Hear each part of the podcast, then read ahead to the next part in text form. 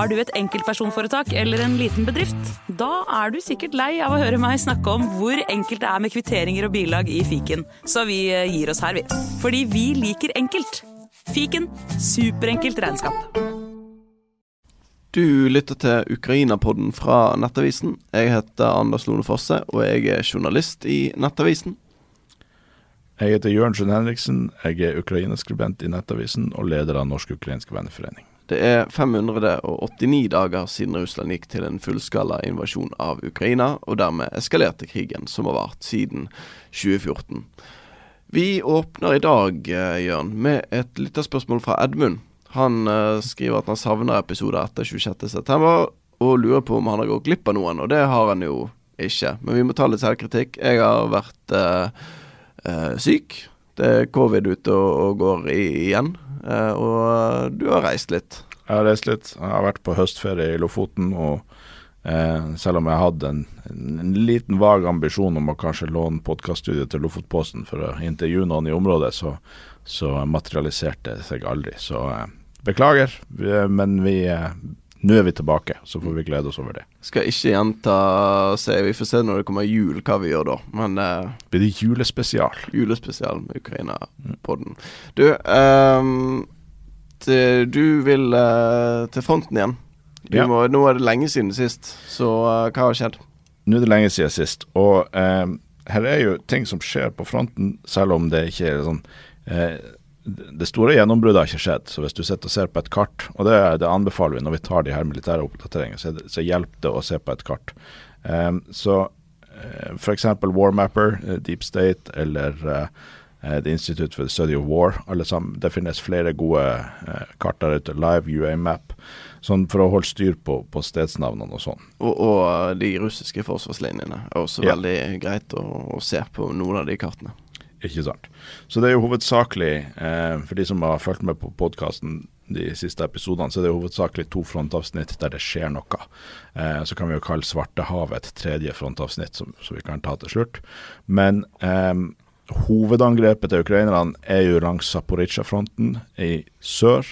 Eh, vi kan jo kalle det Robotynje-fronten, for det, det, den eh, den, det tettstedet som har blitt helt frigjort i det området der de videre angrepene har gått ut ifra. Det som har skjedd de siste dagene, er jo at øh, ukrainerne har jobba seg nedover, sørover fra Robotynje. De har på østsida av Novoprokopivka eh, pressa seg videre sørover, og nå er de i ferd med å krysse et nytt minefelt der i ferd med å forsere nok en russisk forsvarslinje. Sør for Verbove, som er rett øst av Robotynje, så jobber de seg fram. De jobber med frigjøringa av, av, selve eh, Verbove. Eh, og har framskritt der. Eh, men det siste som har skjedd de siste dagene, er et angrep rett vestover fra Robotynje i retning eh, Kopani.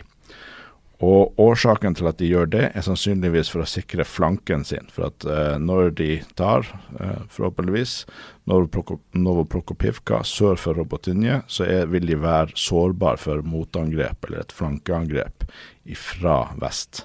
Ja, for den, um, altså den offensiven som de har hatt akkurat der, den har ikke vært så bred. sant? Altså det, det er en slags sånn uh, nål inn i, den, i det russisk okkuperte territoriet. og da er, er man jo utsatt for flankeangrep og, og blir omringet. Ikke sant. Så etter hvert som de presser seg sørover, så, så, den lomma, eller hva man skal kalle det, tarmen inn i russisk okkupert område, blir lengre og dypere, så blir jo risikoen for angrep fra siden større. Det er jo derfor de også prøver å utvide den her vestover, med å angripe eh, vest mot Kopani.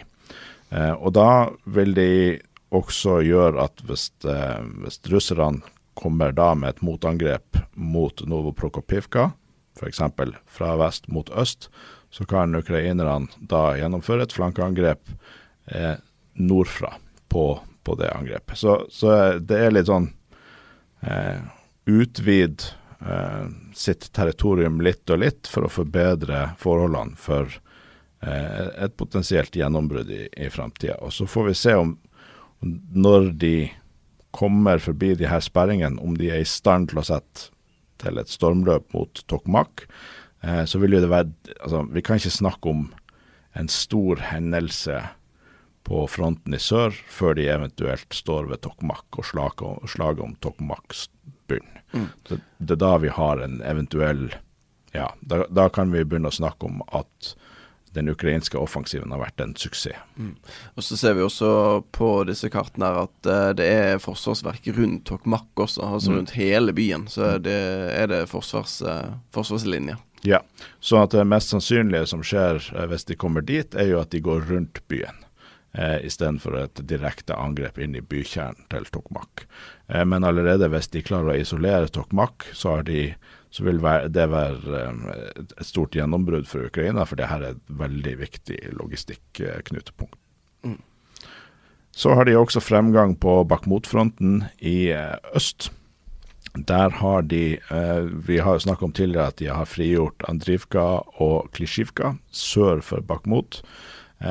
Videre øst for der så går det ei toglinje eh, nord-sør, sørover fra Bakhmut. Eh, den har ikke vært en viktig forsyningslinje for Russland i det siste, for at eh, Ukraina er såpass, såpass, nært at de kan angripe den. Men nå har de kryssa den toglinja. Og det er viktig fordi at toglinja i seg sjøl eh, var et viktig forsvarsverk for russerne. Sånn at nå har de forsert den, og da er områdene videre øst Eh, over sårbar for eh, ytterligere ukrainsk fremgang. Og Det vil sette press på Bakhmut, eh, som russerne forhåpentligvis vil se seg tvunget til å forsvare. Og Da vil de bruke styrker som ville vært viktig for dem sør på Zaporizjzja-fronten. Det tredje frontavsnittet vi kan kalle er jo Svartehavet. Der har vi jo eh, snakka en del i det siste. De gjennomførte et raid helt helt vest, eh, på vestspissen av eh, Krimhalvøya i går. Eh, der de var i land. Det er litt uklart hva de har gjort der, men det er nok et eksempel på at de britisk- og norsktrente marinestyrkene deres er i stand til å gjennomføre angrep og reid bak fiendens linjer, som vil være veldig viktig fremover i et fremtidig slag om uh, Krimhalvøya. En annen utvikling vi har sett, er at russerne har begynt å flytte uh, store deler av Svartehavsflåten sin ut av Sevastopol og bort fra Krimhalvøya pga. sårbarheten de helt tydelig har der etter en rekke ukrainske angrep. Så uh, flere publikasjoner og nettsteder har jo i det siste begynt å si det samme som vi òg har sagt tidligere, at Ukraina er i ferd med å vinne slaget om Svartehavet, eh, selv uten å ha en egen marine. For at gjennom asymmetrisk krigføring med droner og missiler, så klarer de å nekte russerne å operere i den nordvestlige delen av Svartehavet. Så det blir en spennende utvikling å følge. Et, eh, en, eh, en pressemelding fra russerne er at de har inngått en avtale med myndighetene i Abkhasia om å bygge en ny, stor flåtebase for Svartehavsflåten der. Det er jo interessant, for Abkhasia er jo eh, folkerettslig en del av Georgia, men har vært russisk okkupert siden eh, den russiske invasjonen av Georgia i 2008. Så når de mista, eller ikke lenger kan i full stor grad bruke eh, en marinebase på et annet okkupert område, så vil de bygge en ny på, på et georgisk Eh, russisk okkupert område. Eh, så får vi se hvor lenge de kan eventuelt bygge der, før en fremtidig mer eh, eh, frihetssøkende regjering i Georgia vil ta tilbake Abkhasia. Så må vi jo, når vi først er inne på Krim, så må vi jo ta opp eh, kjapt admiral Sokolov også, som eh, vi jo forrige podkast eh, videreformidlet Ukrainas etterretning sin mm. beskjed om at han eh, var blitt drept i det der eh, svære angrepet mot hovedkvarteret eh, på halvøyen der. Og så snakket vi om det, og så to timer etter vi hadde sluttet å spille inn her, så meldte jo eh, eh, russiske medier at han var jo i live, for han eh, var med på et møte, digitalt riktignok. Mm. Og nå, nå er det begynt å bli en stund siden det møtet. og det, altså han er med digitalt, og han snakker ikke i de videoene som er utgitt. Og så eh, kom det noen dager senere eh, en annen video i russiske medier der han snakker for så vidt, men det, det virker å være en seremoni jeg, jeg, jeg, brukte mange timer på å prøve å finne den Altså andre videoer fra den mm. seremonien, men den, det er en seremoni som ble holdt, uh, virker det som, tidligere i september. Så det er arkivfoto som russisk media har virker som å ha uh, publisert. Og det er, det, det er ingen det, han har ikke vist seg offentlig utover det siden den gang. Så vi får nå bare se. Eh, du, kanskje det blir sånn som forrige gang, at vi eh, snakker om han her i podkasten, og så slutter vi å spille inn, og så går det to timer, og så dukker han opp igjen. Det får ja. vi nå bare se. Men eh, det er vanskelig å vite om han lever eller ikke. Og, eh, men det, jeg synes, grunnen til at det er viktig, er at Eller grunnen til at jeg tar det opp igjen nå, er at um, den uh, Altså, Ukraina Hvor mye kan vi stole på de, sant? Mm. Altså, hvis de melder noe kan vi stole på det? For det, russerne har jo gjentatte ganger altså De har jo lagt ut uh, Det russiske forsvarsdepartementet har lagt ut video av Se, det her ødelegger vi Leopard-stridsvogner. Mm. Og så er det deres egne eh, militærbloggere som sier at neimen dette her er jo Du ser jo at dette er skurtreskere. Mm. Dette er traktorer. Ja. Um, så, så, så, russerne har jo vist seg mange ganger og ikke, at de kan man ikke stole på. Så er det opp til eh, Ukraina å eh, opprettholde sin troverdighet. Ja. Og så, ja. vi vet litt om, eh, om de kildene. Altså når Ukraina gikk ut og sa at han var drept, så var det basert på humint, altså human innhenting av etterretning. Eh, så de har kilder på Krim som, har, eh, som de stoler på sjøl, som har sagt til dem at han ble drept i det angrepet.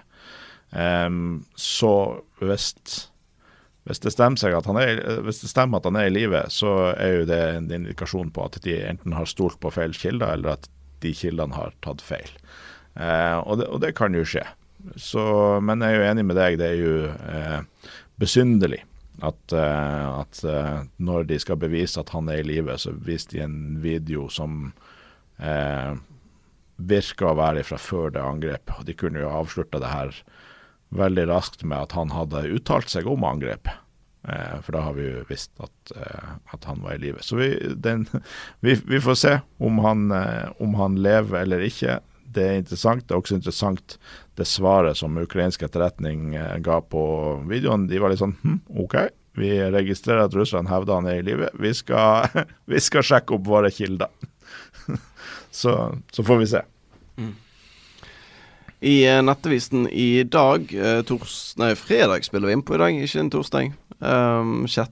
oktober så kan du lese om at uh, Putin vil sikre seier på en uh, måte som er uh, litt ny. Uh, fordi at amerikanske etterretningskilder de mener at den russiske presidenten har lagt konkrete Hva skal man kalle det for? Propaganda og konspirasjonsplaner.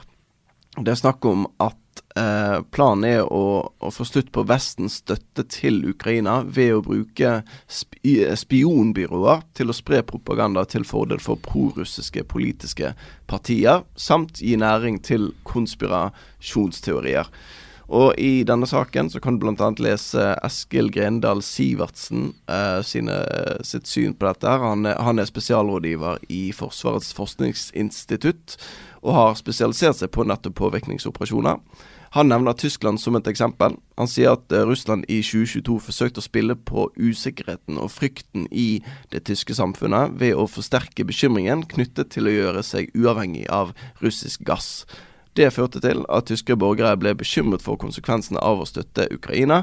Um, og um, det får jo konsekvenser i, um, for, for, støtten til Ukraina. Han legger til at Russland også forsøker å fremstille ukrainske flyktninger som en byrde for samfunnet, og det er faktisk noe som vi har sett her i Norge også.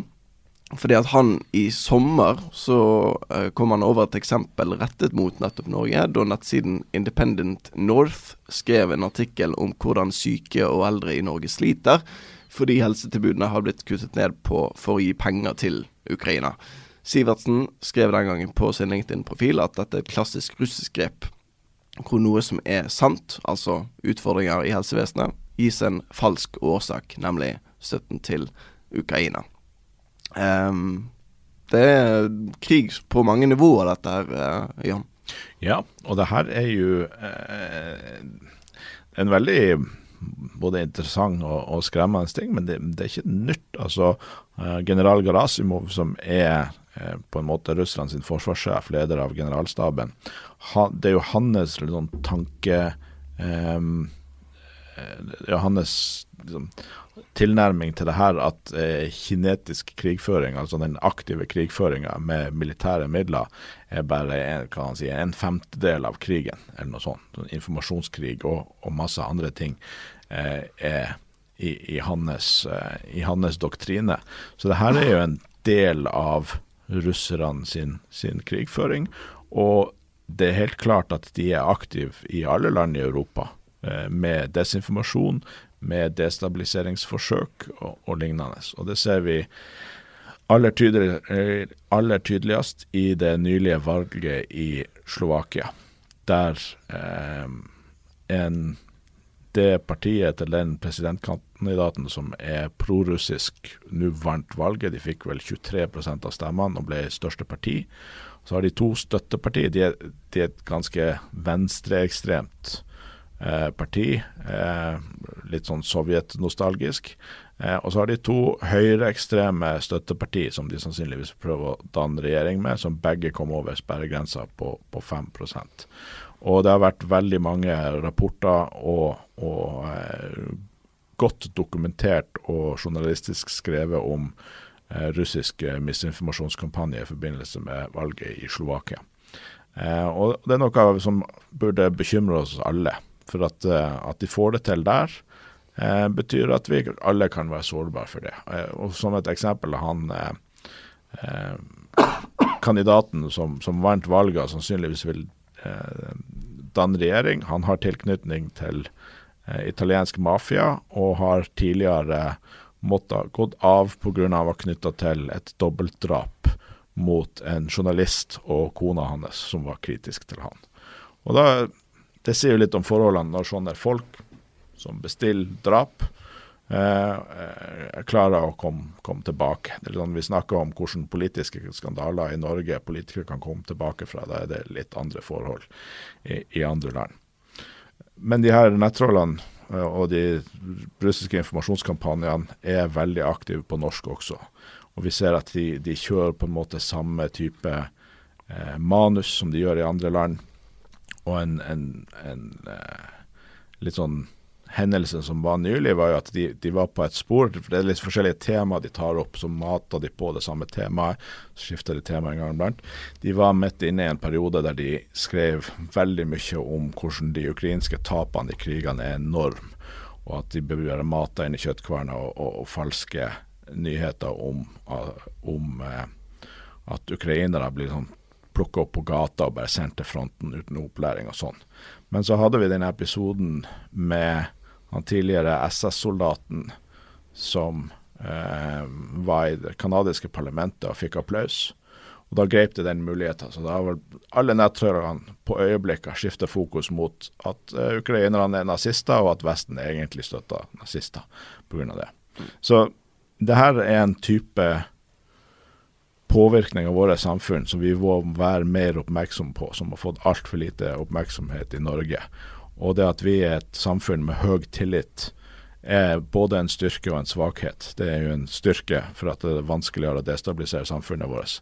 Eh, men på en annen side så er folk flest mer naive i forhold til det de leser i sosiale medier.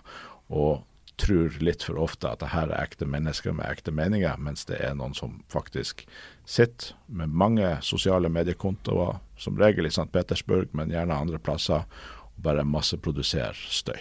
Mm. Som journalist så får jo faktisk eh, Altså Hver gang noen kommenterer på en sak i kommentarfeltet på nettavisen.no, så får jo jeg mail. Og jeg leser jo veldig mye av det som blir skrevet der. Eh, og det, det, som faktisk er fint, er jo at det er noen som skriver rett ut at ja, skriver du dette fra Russland? Mm. Uh, så, så, det finnes folk som er bevisste på at uh, denne type propaganda skjer, da. Um, og Jeg skrev jo en sak her nå før helgen om at Russland, Russland sliter i Ukraina. Det ble nevnt i en sånn uh, bisetning, nærmest. Og så for Saken handlet jo om noe annet, nemlig at, uh, at um, det er en amerikansk forsker som frykter at uh, Russland kommer til å lene seg mer på atomvåpen i f.eks. en hypotetisk fremtidig konflikt med Nato, da. Mm. Pga. at de sliter med den konvensjonelle krigføringen i Ukraina. Ja. Men bare den lille bisetningen om at Russland sliter i Ukraina, har jo fått 30 mail om sikkert, fordi at folk mener at det stemmer ikke. Ikke? Og det var en som skrev at var, Ukraina hadde mistet 400 000 eh, menn eh, i krigen så langt, og eh, at eh, nå var de ferdige, liksom. Mm. Og så spurte jeg OK, hvor er kilden til den påstanden? Det har jeg ikke fått svar på ennå. Nei, og det er jo sånn de opererer. De masseproduserer en påstand, og så, og så deler de det så ofte og sprer det så mye. Og de opererer på flere nivå. De, altså, de har egne falske kontoer som de bruker eh, veldig aktivt. Og så har de reelle personer i Vesten. Eh, Jackson Hinkle er et veldig godt eksempel, eh, som de rett og slett har kjøpt. Eh, som, som, eh, som også sprer det innholdet deres. Men så har de også en metode med folk som opplever at når de skriver noe de liker, så får de veldig mye oppmerksomhet, positiv oppmerksomhet med likes og, og, og deling og, og sånne type ting. Som på en måte de, de bearbeider folk til å skrive mer i den retninga som, som de ønsker. Det var særlig utbredt under eh, koronapandemien, eh, og folk opplevde at hvis de laga YouTube-videoer som, eh, som hadde misinformasjon, så fikk de veldig mye spredning, og de tjente faktisk penger på at de YouTube-videoene ble avspilt. Eh, Russerne laga eh, eh, laga eh, dataprogram som automatisk avspilte YouTube-videoer som hadde innhold som de likte. Og på den måten så, så påvirka de folk som til å Eller uten at de var klar over det sjøl, til å være med å spre russisk misinformasjon. Eh, men vi må jo ta Garasimov eh, alvorlig når han sier at dette er en form for krigføring. Eh, ifølge hans logikk da, så driver de krigføring mot Norge. Og eh, med de påvirkningsoperasjonene de har her. Og det må Norge ta mer alvorlig. Beklager at jeg hoster litt i bakgrunnen. Det er den sykdommen som henger i fremdeles. Så jeg merker at stemmen den eh, skal jeg spare litt, så Ikke sant? Sånn er det når helsevesenet vårt blir nedtynga av ukrainske flyktninger, og du ikke får den, den hjelpen du vil ha. Nei, men, men, men det er et reelt poeng det du, det, du nevnte. Jeg har også lest de tingene. Og det der har vært en russisk påvirkningskampanje om at ukrainske flyktninger eh, er litt sånn dårlige gjester og kommer med masse krav og er misfornøyd og, og sånne type ting. Og det er nok en, en, en misinformasjonskampanje. over tilbake til den eh, si fysiske krigføringen som foregår. Um, det ukrainske luftvåpenet de meldte tall i dag som jeg syns var litt uh, urovekkende. Nemlig det at uh, de hadde skutt ned 25 av 33 russiske droner. Det tallet pleier å være høyere. De pleier å ta alle, og så er det kanskje Eller eventuelt så er det én eller to som de bommer på. Eh, nå var det altså åtte eh, russiske droner som slapp igjennom eh, det ukrainske luftvernsystemet i natt til fredag. Og uh, resultatene er- ser vi bl.a. i Kharkiv, der det lå en ti år gammel gutt og, og sov, som nå er er drept. Uh, vi så det også i går, uh, var det vel der det var et eh, rakettangrep mot Rosa øst i Ukraina. Eh, hvor eh, 50, minst 52 er døde. Og der var jo sammenhengen, for de som ikke har fått med seg det, så var det altså det var en minnestund for en ukrainsk soldat som falt i fjor sommer. Eh, og så nå når de hadde klart å ta tilbake dette her eh, området i Kharkiv, i nærheten av Kharkiv, så skulle de eh, eh, gravlegge han igjen der, der han liksom hørte til, og så um, var det en kafé hvor folk var samlet til minnestund. Der rammer uh, rakettangrepet.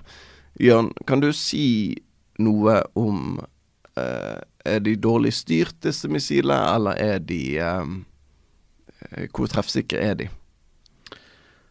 De er ganske treffsikre. Og vi må slutte å tenke at hver gang en, et offentlig sted sånn som det her blir ramma, så er det fordi at de har bomma på noe viktigere.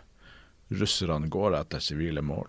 Vi har eksempler på at russiske kilder, eller altså em, medsammensvorne, har blitt arrestert for at de har vært og scouta lokasjoner for å finne ut når er det mest folk der. Når er det mest folk på kafeen? Når er det mest folk på jernbanestasjonen? Sånn at russerne klarer å drepe flest mulig sivile når de angriper. russerne russerne går etter sivile. De ønsker å drepe sivile med de her angrepene. Det er veldokumentert. De har gjort det gjennom hele krigen. De har, eh, de, de har bomba eh, bygninger der de vet at folk søker tilflukt, altså eh, bomberom. De systematisk går etter sykehus, eh, også fødeavdelinger. Jeg husker de første dagene i krigen, så bl.a. fødeavdelingen i Mariupol ble, ble, angrepet. Det er ikke tilfeldig. Det er for at han, Putin han har en sånn oppheng i det her med demografi og, og sånne type ting. Altså, de har angrepet flere fødeavdelinger, de har angrepet flere sykehus. Det er ikke nytt. Det er, ikke, det er, ikke, noe som de bare har gjort i Ukraina. De gjorde det i krigen i Georgia. De gjorde det systematisk i Syria. I Syria var det over 100 angrep på sykehus. Um, det, er, det, er, systematisk, og det er en del av måten de fører krig på. De har ingen problemer med grusomhet. Grusomhet mot sivile er et mål i seg sjøl. Alle frigjøringer av ukrainske byer har vist at de har hatt torturkammer. Det er ikke tilfeldig noe som har oppstått. Det er systematisk, som de gjør alle plasser, og bruker tortur mot sivile for å gå, gå til angrep på det ukrainske. Folk som har hatt pins eller nøkkelringer eller hva det måtte være som, som viser en lojalitet til den ukrainske staten eller, eller, det ukrainske. Det er derfor det er veldig tydelig. altså Det er helt klart at russerne begår krigsforbrytelser i Ukraina. Det er også ganske tydelig at de begår forbrytelser mot menneskeheten. Og jeg har eh, ganske ofte brukt begrepet folkemord. Noen reagerer på det. Jeg mener at det er helt tydelig hvis man ser på folkemordskonvensjonen, hva, hva det er som utgjør et folkemord, så, så har de eh, gjort det fra starten av. Eh, Putin er ettersøkt for folkemord eh, pga. kidnapping av barn, som de gjør. Nok et eksempel på det demografigreia han holder på med. Um, og, og um, Timothy Schneider har jo en veldig bra begrunnelse på det. at uh, Som regel så er det i ettertid at man ser at det blir begått folkemord. for at det er eh, juridisk krevende å bevise folkemord, men russerne er jo så åpne på det at de erklærer det sjøl, at det er det som er målet deres. Å utrydde det ukrainske og utslette den, den, ukrainske staten. Så de her angrepene her, det er ikke, det er ikke feilbombing.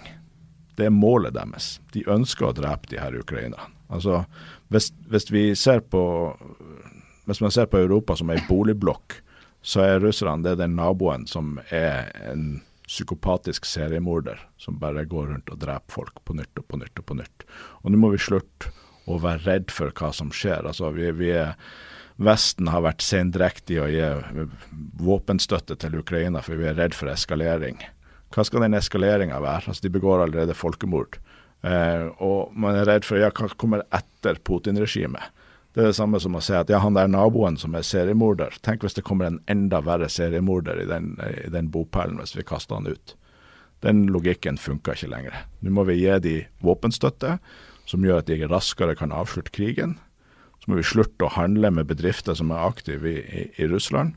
Vi må avslutte de her eh, vennskapsbylinkene vi har til, til, Russland. Altså Jeg ser på eh, Hei, Sør-Varanger, Bodø, Narvik.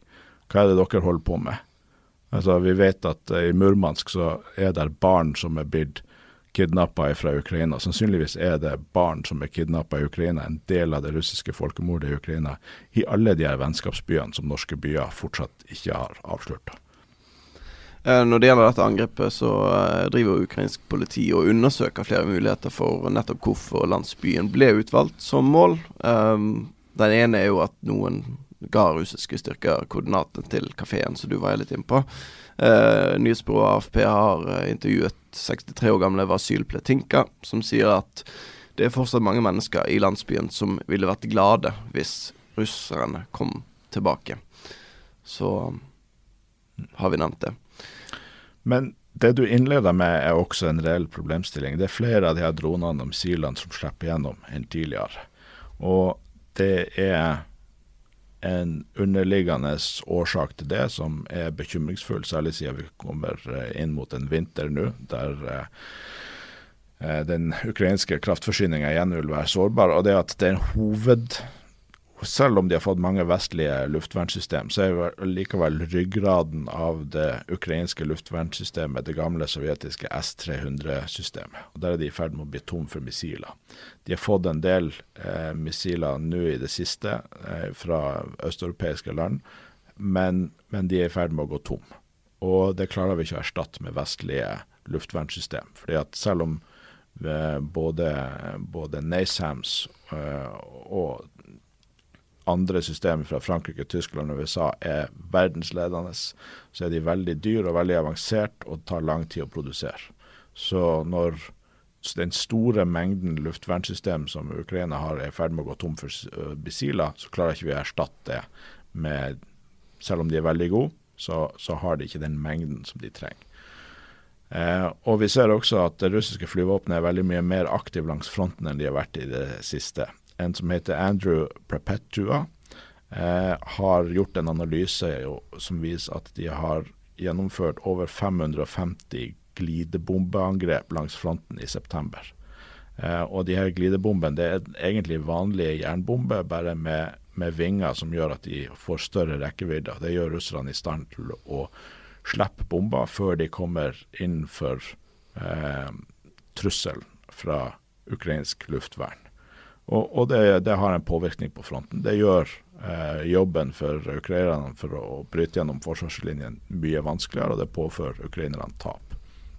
Svaret på begge de her to problemstillingene, både det at ukrainerne er sårbare for eh, russiske droneangrep og missilangrep, og de her glidebombene som de bruker både militære og sivile mål, er jo eh, vestlige jagerfly med lang rekkevidde med Amran missil, som de fortsatt ikke har fått, som er Vesten sitt ansvar at det går for sakte.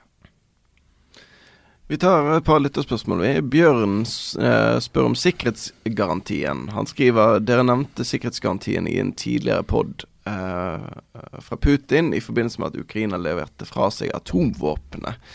Eh, sitter dere på juridisk ekspertise som kan finne fallgruven i avtalen, spør han om. Nei, vi sitter ikke på den juridiske eh, ekspertisen, men det er skrevet ganske mye om det. Og det er en grunn til at den avtalen kalles et memorandum. Det er Budapest memorandum, og ikke en traktat. Og det er for at det er mindre juridisk bindende. Um, jeg tror årsaken til at det kalles det, er at det bl.a. ikke har vært ratifisert i USA.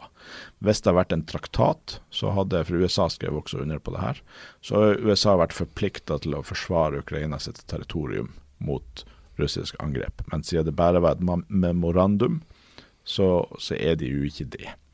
Og, og det, det, er klart eh, altså den, den, daværende ukrainske presidenten var ganske rasende på bakrommet når han ble presset til å inngå denne avtalen, for han mente at det var ikke sterkt nok, og de frykta allerede da å få besøk av russerne i framtida. Men eh, når de vestlige stormaktene peker på papiret og sier at eh, det her skal du skrive under på. Eh, hvis ikke så går det dårlig både med økonomi og gassforsyning og det meste. Så følte han seg pressa til det, eh, men, men, fikk jo på en måte rett. Um, det var en sikkerhetsgaranti som de ga opp, i bytte mot et memorandum som viste seg å ikke ha noen verdi. Og så er det Eirik som sier at det er mye snakk om våpendonasjoner. Eh, vi har også fått høre at Ukraina har høy produksjon av egne droner, skriver han. Men hvor stor er Ukrainas egen våpenproduksjon utover dette, og hvilke våpen og ammunisjon produserer de sjøl? Ja, det er selvsagt en veldig stor uh, satsing på å få opp igjen den ukrainske eh, våpenproduksjonen. De har jo en veldig lang og, og, solid historie når det gjelder våpenproduksjon. De var jo på en måte eh, ingeniør kraften til Sovjetunionen. Unnskyld. Og veldig mye av, eh, av, både fly og våpen og skipsproduksjon i Sovjetunionen skjedde i Ukraina. Stridsvognproduksjon særlig. Og de har jo hatt egen produksjon av det, så mye av det ble angrepet og skada tidligere i krigen.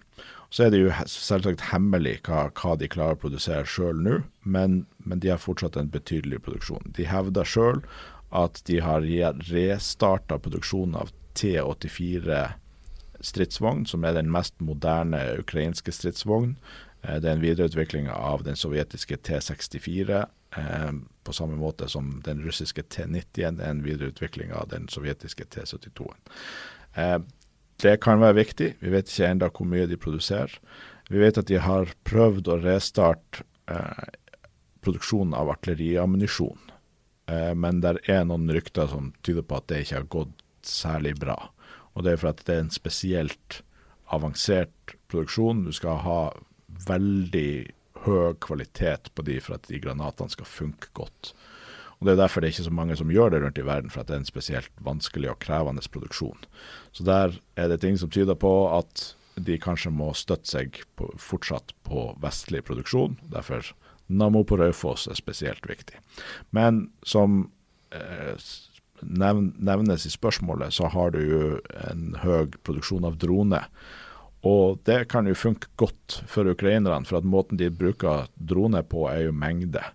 Eh, sånn at eh, det er relativt enkle farkoster med ikke så veldig høy kostnad. Og eh, når du skal gjennomføre et angrep, så sender de gjerne 20-30 stykk for at noen få skal, skal komme gjennom. Så, så, der vet vi at de har produksjon, og at de har ganske aggressiv teknologiutvikling. Det ser vi særlig på de her maritime dronene som nå kan gå under vann, og, og forskjellige så, uh, sånne nye funksjoner som stadig kommer, som, som, var et helt nytt våpen på begynnelsen av krigen. Så de har en betydelig produksjon sjøl, også en teknologiutvikling. Men vi ser at særlig avanserte produksjoner, sånn som artillerigranater, der trenger de hjelp fra Vesten. Når vi eh, sitter og spiller inn dette, så er det noen eh, få timer siden statsbudsjettet her til lands ble lagt fram. Uh, og det er jo fort gjort at nyhetene kan jo drukne litt i hverandre, kan man trygt si. Uh, jeg var inne på regjeringens side akkurat det de publiserte eller la fram statsbudsjettet. Da la de ut 120 pressemeldinger samtidig. Ja. det pleier å komme sånn fem om dagen der. Det var 120 på en gang. Velkommen til statsbudsjettdagen. Ja. Og, så har vi hatt en fredspris i tillegg, så det er en busy nyhetsdag. Absolutt. Fredsprisen hadde jo eh, Det kunne gått i noe i retning Ukraina. Det gjorde det ikke. Ble Iran eh, denne gangen. Jeg syns det var en helt, helt strålende fredspris. Altså, eh, for å bare gå kjapt innom det. Jeg hadde selvfølgelig vært glad hvis det var noe med Ukraina, men jeg syns det er en strålende fredspris. Og krigen i Ukraina skjer ikke i et vakuum. Der er en global kamp mellom de som ønsker liberalt demokrati og de som ønsker autokrati og undertrykkelse. Og Iran er absolutt i den kampen. og De har henretta 800 mennesker det siste året for at de har vært så frimodige at de har demonstrert for noe så grunnleggende som kvinners rettigheter. Så stå på. Veldig bra. Helt strålende fredspris. Mm. Og eh, det jeg skulle egentlig inn på, var jo dette med at eh, det var ikke mange Ukraina-nyheter i det statsbudsjettet, men det var én, og det eh, var jo dette med at eh, det har kommet eh, 200 millioner kroner som er satt av til å behandle ukrainske pasienter i Norge. Mm. Eh, det foreslås å bevilge 200 millioner altså til å behandle de på norske sykehus. så langt så har over 300 pasienter kommet til å blitt behandlet i Norge og eh, helse- og omsorgsminister Ingvild Kjerkol i Arbeiderpartiet. Hun sier at eh, Norge leverer god og etterspurt helsebistand til Ukraina, og samarbeider tett med både Ukraina, EU og WHO. Eh, og hun er stolt av arbeidet som gjøres fra norsk side, legger hun til. Ja. Bortsett fra dette så var ikke så uh, mange Ukraina-poster i det statsbudsjettet? Nei, de, de fortsetter Nansen-støtten, og det er veldig bra. La meg understreke det nok en gang, at eh, den norske støtten, selv om vi kom litt sent i gang, så er den norske støtten til Ukraina veldig solid. Både den militære og den sivile. Og det som er foreslått for neste år, er 15 milliarder, der halvparten, 7,5 milliard, går til militær støtte. Det er veldig bra. Eh, men jeg vil også oppfordre regjeringa til å ikke være redd for å liksom være å, å, ha tyngden på den militære støtten. Altså Den sivile støtten er ekstremt viktig, og det trenger Ukraina absolutt. Men det er den militære støtten som får som behandler sykdommen, og ikke symptomene. Dess raskere vi gjør Ukraina i stand til å avslutte denne krigen, dess mindre Eh, ødeleggelser blir det, dess færre drepte blir det, og dess mindre blir behovet for gjenoppbygging etterpå. Og så er det en, en, en annen ting som jeg syns er relevant å ta opp i denne sammenhengen. og Det er jo at det norske forsvarsbudsjettet, ja det har en økning, men så ser vi at eh, den militære støtten på 7,5 milliard til Ukraina er også lista opp som en del av økninga på det norske forsvarsbudsjettet. Eh, og når vi tar med prisstigninger som er større i forsvarsmateriell enn i eh, resten av samfunnet, så er det jo reelt sett ikke en særlig stor styrking av eh, det norske forsvaret. Eh, og her, med den sikkerhetspolitiske situasjonen vi har, med den dramatiske økninga som både Sverige og andre land har på sine forsvarsbudsjett, så mener jeg at her burde vi henge med. Forsvarskommisjonen er helt tydelig på det. Så vi må klare å ha flere tanker i hodet samtidig. Situasjonen i Ukraina er midlertidig og den er ekstraordinær. Så at vi tar penger av oljefondet og, og, og satser på det eh, uavhengig av andre ting, mener jeg er riktig. Det, vi burde ikke blande det sammen med egen forsvarssatsing, og vi burde heller ikke sette opp imot annen internasjonal bistand, så, som også på en måte gjøres. Um, så um, veldig bra at den fortsatt eh, satsinga på hjelp til Ukraina fortsetter, men eh, er litt bekymra for manglende eh, satsing på det norske forsvaret, som vi burde gjøre samtidig. Mm. Og så helt til slutt, så bare for å uh, la oss late som at vi har en rød tråd her, så kan vi jo komme inn på dette med konspirasjonsteorier igjen. Fordi at eh, når det settes av 15 milliarder til, eh, altså fra, fra, Norge, ut av Norges lommer, mm. til å støtte Ukraina, så sitter det altså fremdeles folk rundt omkring og, og hevder at krigen holdes i gang fordi at det er våpenindustri. Det, det er sikkert de samme som holdt på under koronapandemien og påsto at her er det legemiddelindustrien som skal tjene penger. Nå er det våpenindustrien. Eh, så det var, vi hadde jo en sak om Russell Brand, som eh, engelske komikeren som raste mot eh, Jens Stoltenberg. Ja. Eh, og hvor også Geir Hågen Karlsen, oberstløytnant ved Forsvarets høgskole, ble intervjuet og sa det at eh, altså kostnadene er enorme. enorme. Så å si at Nato tjener på krigen, er jo Helt absurd, sa Karlsen til Nettavisen. Det er helt absurd. Men hvis vi skulle gå ned i uh, the rabbit hole og følge logikken i de konspirasjonsteoriene, så burde vi da i hvert fall ha satsa på å tjene penger på våpenindustrien. Men det klarer vi jo ikke heller å gjøre i Norge. Vi har fortsatt ikke tatt en avgjørelse på å utvide uh, ammunisjonsproduksjon eller uh, artilleri, artilleriproduksjon på Nammo, som vi burde gjort. Ikke for at vi skal tjene penger på det, men for at det er det riktige å gjøre. Men eh, det er bare å kikke innom X, det tidligere kjent som Twitter, hvis du vil se på misinformasjon, for der blomstrer det som aldri før. Vi eh, takker for i dag, og så lover vi at vi kommer tilbake eh, med en ny episode neste uke. Det blir ikke ny eh, høstferie nå, ja. Nei. Vi kommer tilbake neste uke, og i, mens vi venter på neste episode, så tar vi gjerne imot enda flere lyttespørsmål på ukrainapodden etter nettavisen.no.